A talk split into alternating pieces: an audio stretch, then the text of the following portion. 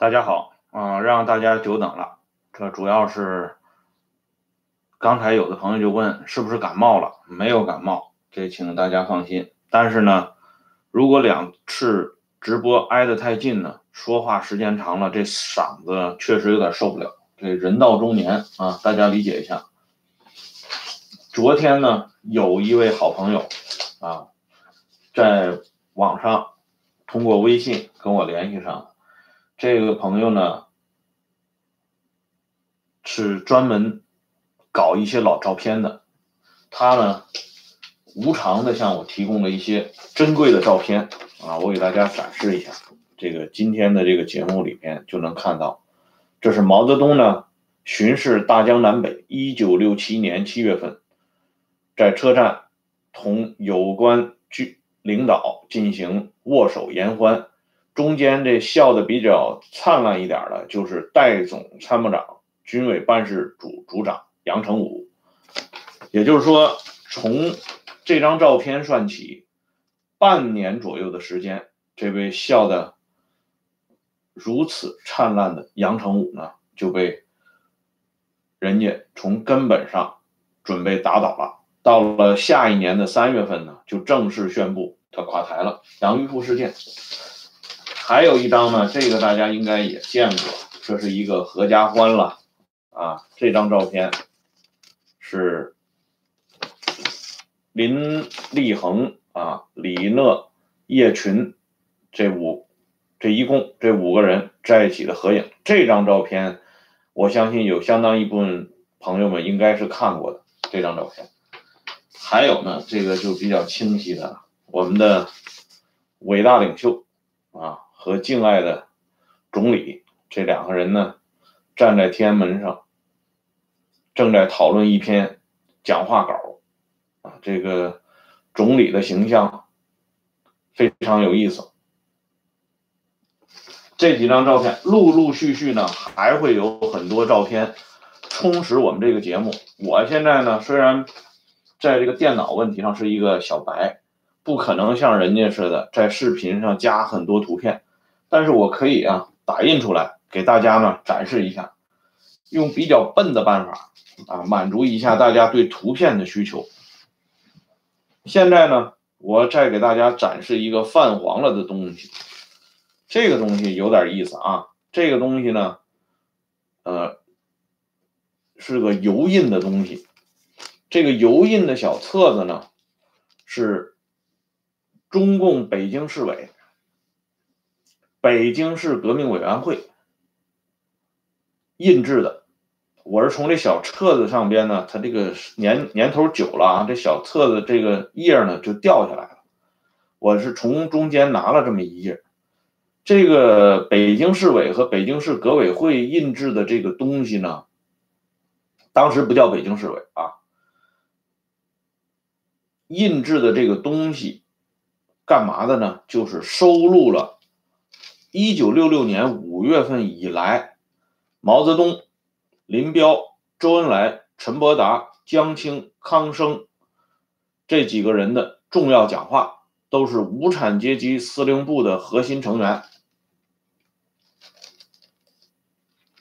我现在给大家展示的这个页页呢，是林彪的著名的政变经，也就是他在一九六六年。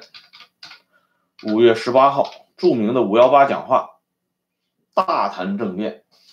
这个林彪在这个会上讲的很清楚，他说：“我们过去几十年以来，解放以前想的做的就是夺取政权。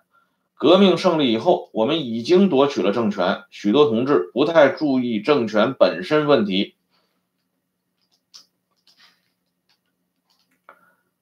从大量的事实看。”是要防止内部颠覆，防止发生反革命政变。道理很简单，很多事情要靠大量事实才能加强印象，才能认识。人的认识规律就是从感性到理性。说实话，这林彪啊，称病这么多年，突然在这个一九六六年五月十八号，讲了这么一大堆的话。特别是他的这个讲话里边，为大家列举了古往今来很多政变的例子，所以这一篇讲话呢，后来又被称之为林彪的政变经，这是专门念政变这一经的。关键是，他谈的这些政变呢，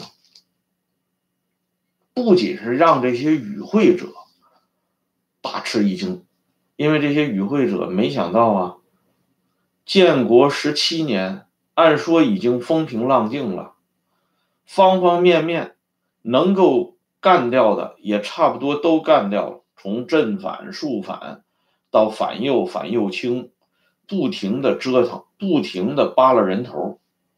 凡是稍微感觉有点不放心的，都已经搞得差不多了，怎么又突然谈到一个涉及到革命政权根本问题的事情上来了呢？而且这是出自于一个红的发紫的第二号人物之口，因此呢，大家总体上来讲是心惊肉跳，不知道又要有什么样的灾难降临在每个人的头上，而。与会者当中，另外有一个人，他也暗自吃了一惊。只是这个人吃了一惊以后呢，表面不露声色。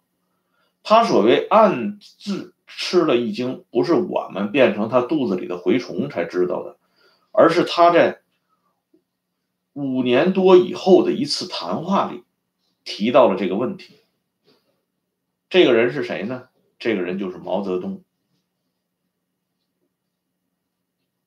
毛在与江青的滴水洞的那封信里边，也提到了林彪说政变的这件事情，但是没有进一步的展开。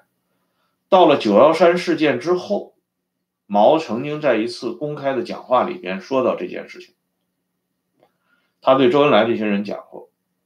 他说：“林彪这个人看来处心积虑的搞反革命政变，他是有着一套理论准备的。这个从他在文革开始的那篇谈政变的讲话里边，我们就可以看得很清楚。这是毛当时说的原话，而给毛留下。”最深印象的这个政变经，还不只是林彪一下子罗列出这么多历史上的政变，包括外国人的政变。关键是林彪讲了这么一个例子，让毛觉得心里啊咯噔一下。他的这个讲话里不是讲到这么一件事情吗？他说，周朝建立以后不久就发生了叛乱，到春秋战国就大乱了。春秋无义战。内部互相残杀，楚成王的儿子商臣以卫兵包围王宫，逼成王自杀。成王好吃熊掌，要求吃了熊掌再死，企图延长时间以待外援。商臣不许，以熊掌难熟，成王被逼立即自杀。这么一段故事，故事啊，这段故事呢，如果读过冯梦龙的《东周列国志》的人，应该也都清楚。啊，并不奇怪。楚成王英雄了一辈子，啊，给这个宋襄公几次难堪，可是最终呢，死在自己的儿子商臣的手里，而且呢，死前要吃熊掌而不可得。问题是啊，这熊掌的话题引发了毛的格外的关注，因为我们都看过李瑞老人生前录制的那个节目，李瑞讲过吗？他给毛当秘书的时候，当服务人员问问起这个主席起床以后啊，下午的饮食如何安排，毛大喊一声：“我要吃熊掌！”啊，吓得李瑞简直是不知所以然啊，因为李瑞根本就没吃过熊掌啊。毛呢，那个时候对李瑞还是挺好的，嗯，以盛情邀请李瑞也入席来吃熊掌。根据我的考证。毛对这个熊掌是情有独钟，那当然不能说天天吃熊掌，但是吃熊掌的次数真的不少。而这个林彪不知道因为什么，居然把这个商臣不让吃熊掌的这个例子摆到了第一个。他谈这么多政变啊，商臣的这个例子啊，不准他老爹吃熊掌的这个例子是第一个。这一般这人对人家这个讲话，举第一个例子印象都是很深的。再加上这熊掌是毛的最爱，所以他对这个事情他是格外关注的。而且毛我们知道啊，他把一本《资治通鉴》都翻烂了。虽然《资治通鉴》上没写商臣不让吃熊掌这个事儿。可是，凡是古今中外的这些政变的事情，毛可以说是了如指掌，甚至对其中的很多细节，他是加以复制的。但是他万万没想到，这林彪啊，号称是有病，怕光又是怕水，啊，经常呢还打一打吗啡什么的止痛，啊，还要经常开着车出去遛弯儿，这么一个病秧子似的人物。突然杀气腾腾的把这些政变的东西都罗列出来，啊，而且呢，这林彪对其中的典故也很熟悉啊。从林彪的这番讲话里边，我们可以看到，这个毛家湾惯于给林彪拉条子的这个习惯呢，在这个讲话当中时有体现。但是这个讲话的大大纲或者是要领，是林彪亲自掌握的，因为这是林彪的一次重要亮相。林彪的本意呢，是警告全党，现在资产阶级司令部，或者说中国的赫鲁晓夫，就像伟大领袖所说的那样，睡在我们身边，我们自己呢，也居然陪着他睡啊，酣然而酣然不觉。所以他罗列了这些事实，提醒大家注意。可是他万万没有想到。这件事情的提出，却让毛产生了另外的一种想法，只是毛把这种想法呢，深深的压在心底，没有流露出来。到了一九七四年，毛终于再一次的谈到了这个熊掌的问题。关于批林批孔的事情呢，汇报上来以后，毛当时同江青、张春桥等人在一起。毛说了这样一句话，这是张春桥后来传达给上海方面，上海的那些人呢没有按照张春桥的意见处理，就是说把张春桥要求他们把毛的这句话只要记在脑子里，不要记在纸上。可是这些人呢，居然稀里糊涂的就把这东西给记到了纸上，所以呢流传到了现在。当时。毛同、江青、张春桥等人说的是这样的话。他说：“林彪举了楚成王的儿子商臣不让成王吃熊掌的例子，说什么熊掌难熟，根本就是迫不及待，不是熊掌难熟，而是瓜熟蒂落。”这是原话啊，毛为什么说而是瓜熟蒂落？这我们无从探讨。但是从这番讲话来，我们来看，毛对林彪谈到商臣不让吃熊掌这件事情，印象是非常深刻的。因为一九六六年到一九七四年跨度长达八年，毛居然对这件事情念念不忘，可见这个事情给毛的影响之深。下面呢，我们就来讲一下今天我要给大家展示的一个小册子，毕竟是书生，作者呢叫周一良，这是一个著名的学者。这本书呢，曾经呢被一个现在定居在美国的学者于杰，大家也都知道这个于杰的这个名字。于杰呢，在国内的时候，曾经对这本书呢，很是不满意，专门写了文章抨击这个作者周一良，认为周一良试图用毕竟是书生来遮掩他在文革中跪舔的事实。这个立论呢，我认为有道理，但是呢，我们有时候要说，不能过分的苛责前人。就是说，作为一名普通的知识分子，周一良在那种浩劫的年代里面，他不可能做到洁身自好，他也做不到。周恩来做不到的，他更做不到，只能选择治污或者是污人。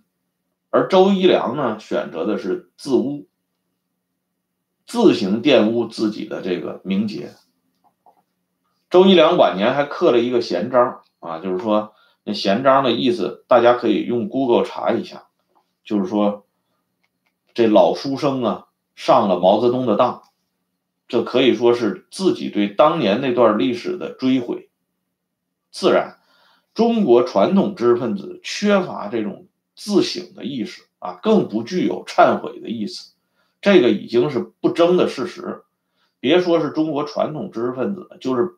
我们包括我在内啊，咱们很多中国人都没有这忏悔的意思意识。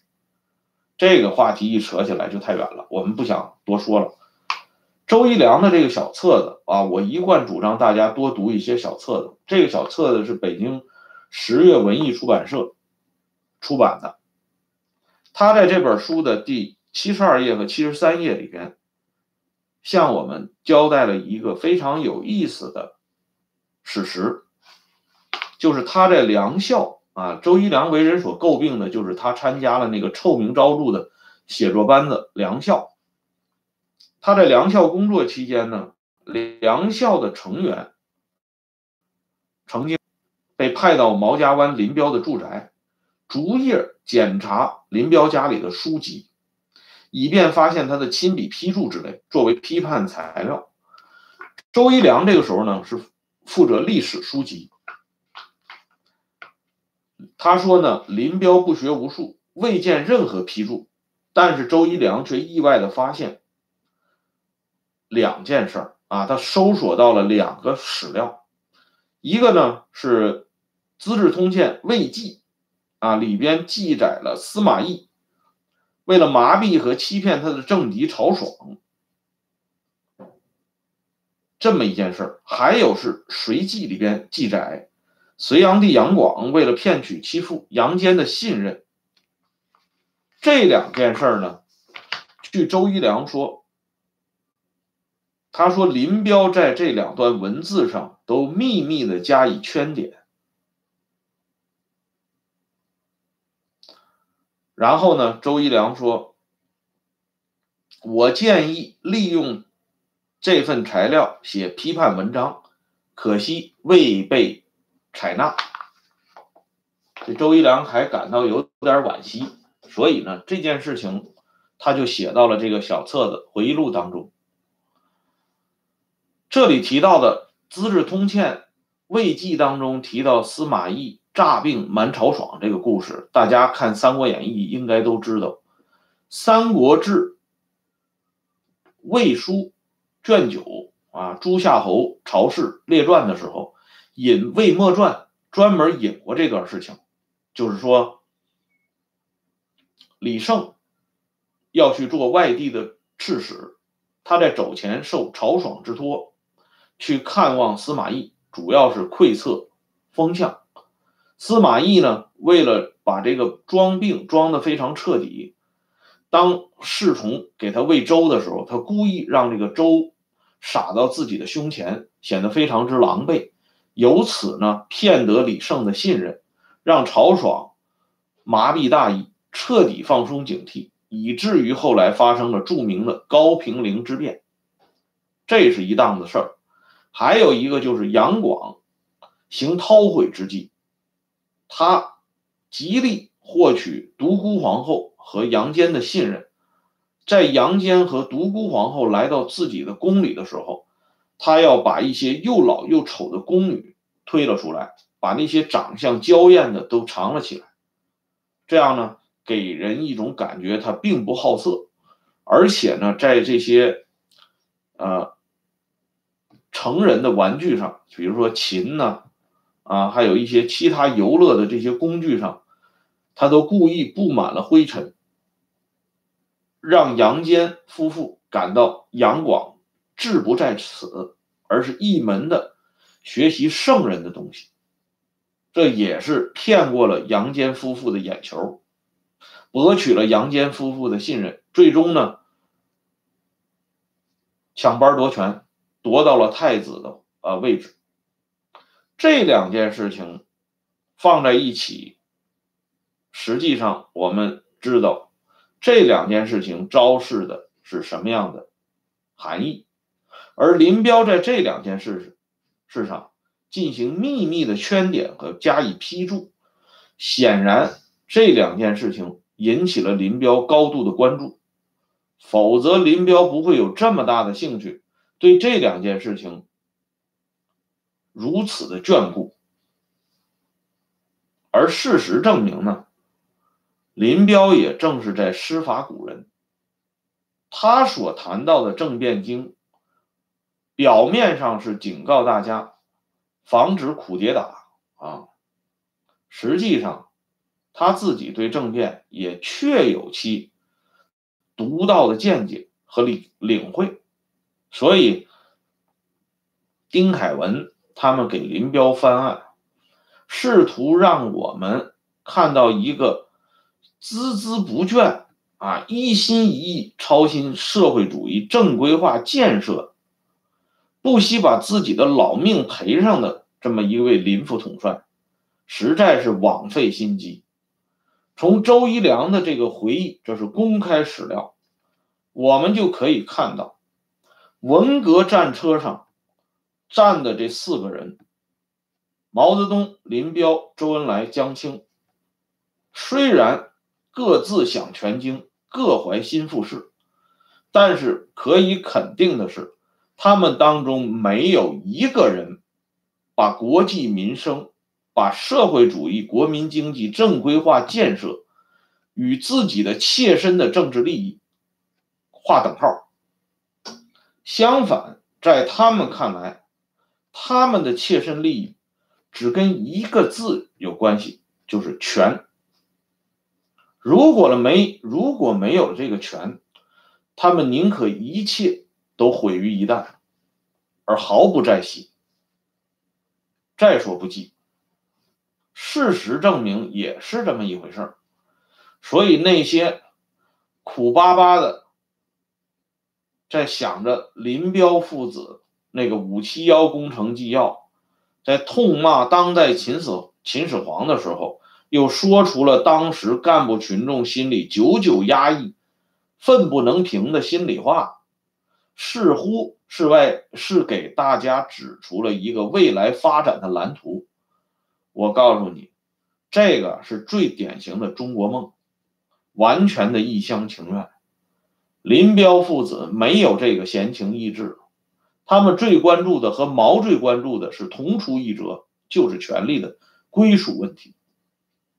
还是列宁的那句话：“与其你独裁，不如我独裁。”如何实现这个独裁？从林彪秘密圈点的这两条史料当中，我们就可以找到答案。之所以上边没有采纳周一良的意见，无非是两种结果。两种原因，一种是忽略了，认为周一良人微言轻，他提供的这个东西自然没什么价值可言；再一个是选择性失明，因为这个问题如果拿出来以后，更加容易让人家联想，所以，嗯，自然这个建议不会被采纳。这里呢，刚才的朋友说了这么一句话，他说：“改革就是权力的再分配。”事实上，文革和改革是一脉相承的，一个政治大革命，一个经济大革命，他们所革掉的不是人家既得利益者的命，而是老百姓的命。前者是要你肉体的命，后者是要你财产的命。在现在的这个社会里。你的房子、你的固定资产、你的流动资产，甚至你的这一张脸，人家通过人脸识别就可以发现你在什么方位。人家在绝对控制你之后，你说你还有什么自由可言呢？这不就是这么个意思吗？所以，嗯，很多人在做林彪的中国梦，以为林彪上台就会如何如何，这已经是为历史所无情的耻笑啊！将来还要被继续耻笑。在林彪之后呢，还有人做邓小平的中国梦，以为按照邓的意思来走，实行改革开放。啊，实行那些所谓的宽松的这些东西，就怎么怎么怎么样，这也一定会被历史所耻笑。至于接下来做其他人的中国梦，不在今天我们的话题之内，所以我们就不想多谈。可惜的是，林彪记错了法宝。我们就林彪来说，司马懿诈病。埋瞒曹爽这件事情，说实话，司马懿之所以搞了那么一番表演，演给曹爽看，那是因为司马懿知道曹爽不是曹操，甚至也不是他老爹曹真、曹子丹，这是一个猪狗一样的东西，所以他才会采取这样一番表演。司马懿当年还有一番诈病表演，那是演给曹爽的祖宗曹操看的，可惜呢演砸了。这个呢，我们大家也应该知道，当年呢曹操曾经征调司马懿出山，司马懿呢一开始还是扭捏作态，啊想搞一点不合作的这个意思出来，于是呢他就称病不起。可是呢有一。有一天突然天降大雨，司马懿那个院子里晾了很多他的那些书啊，经常要晒一晒那个书，防止发霉。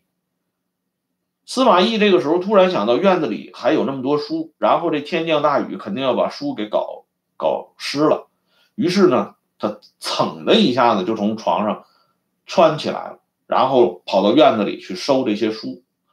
这一幕情景呢，完全不像是一个病人应该做的事情。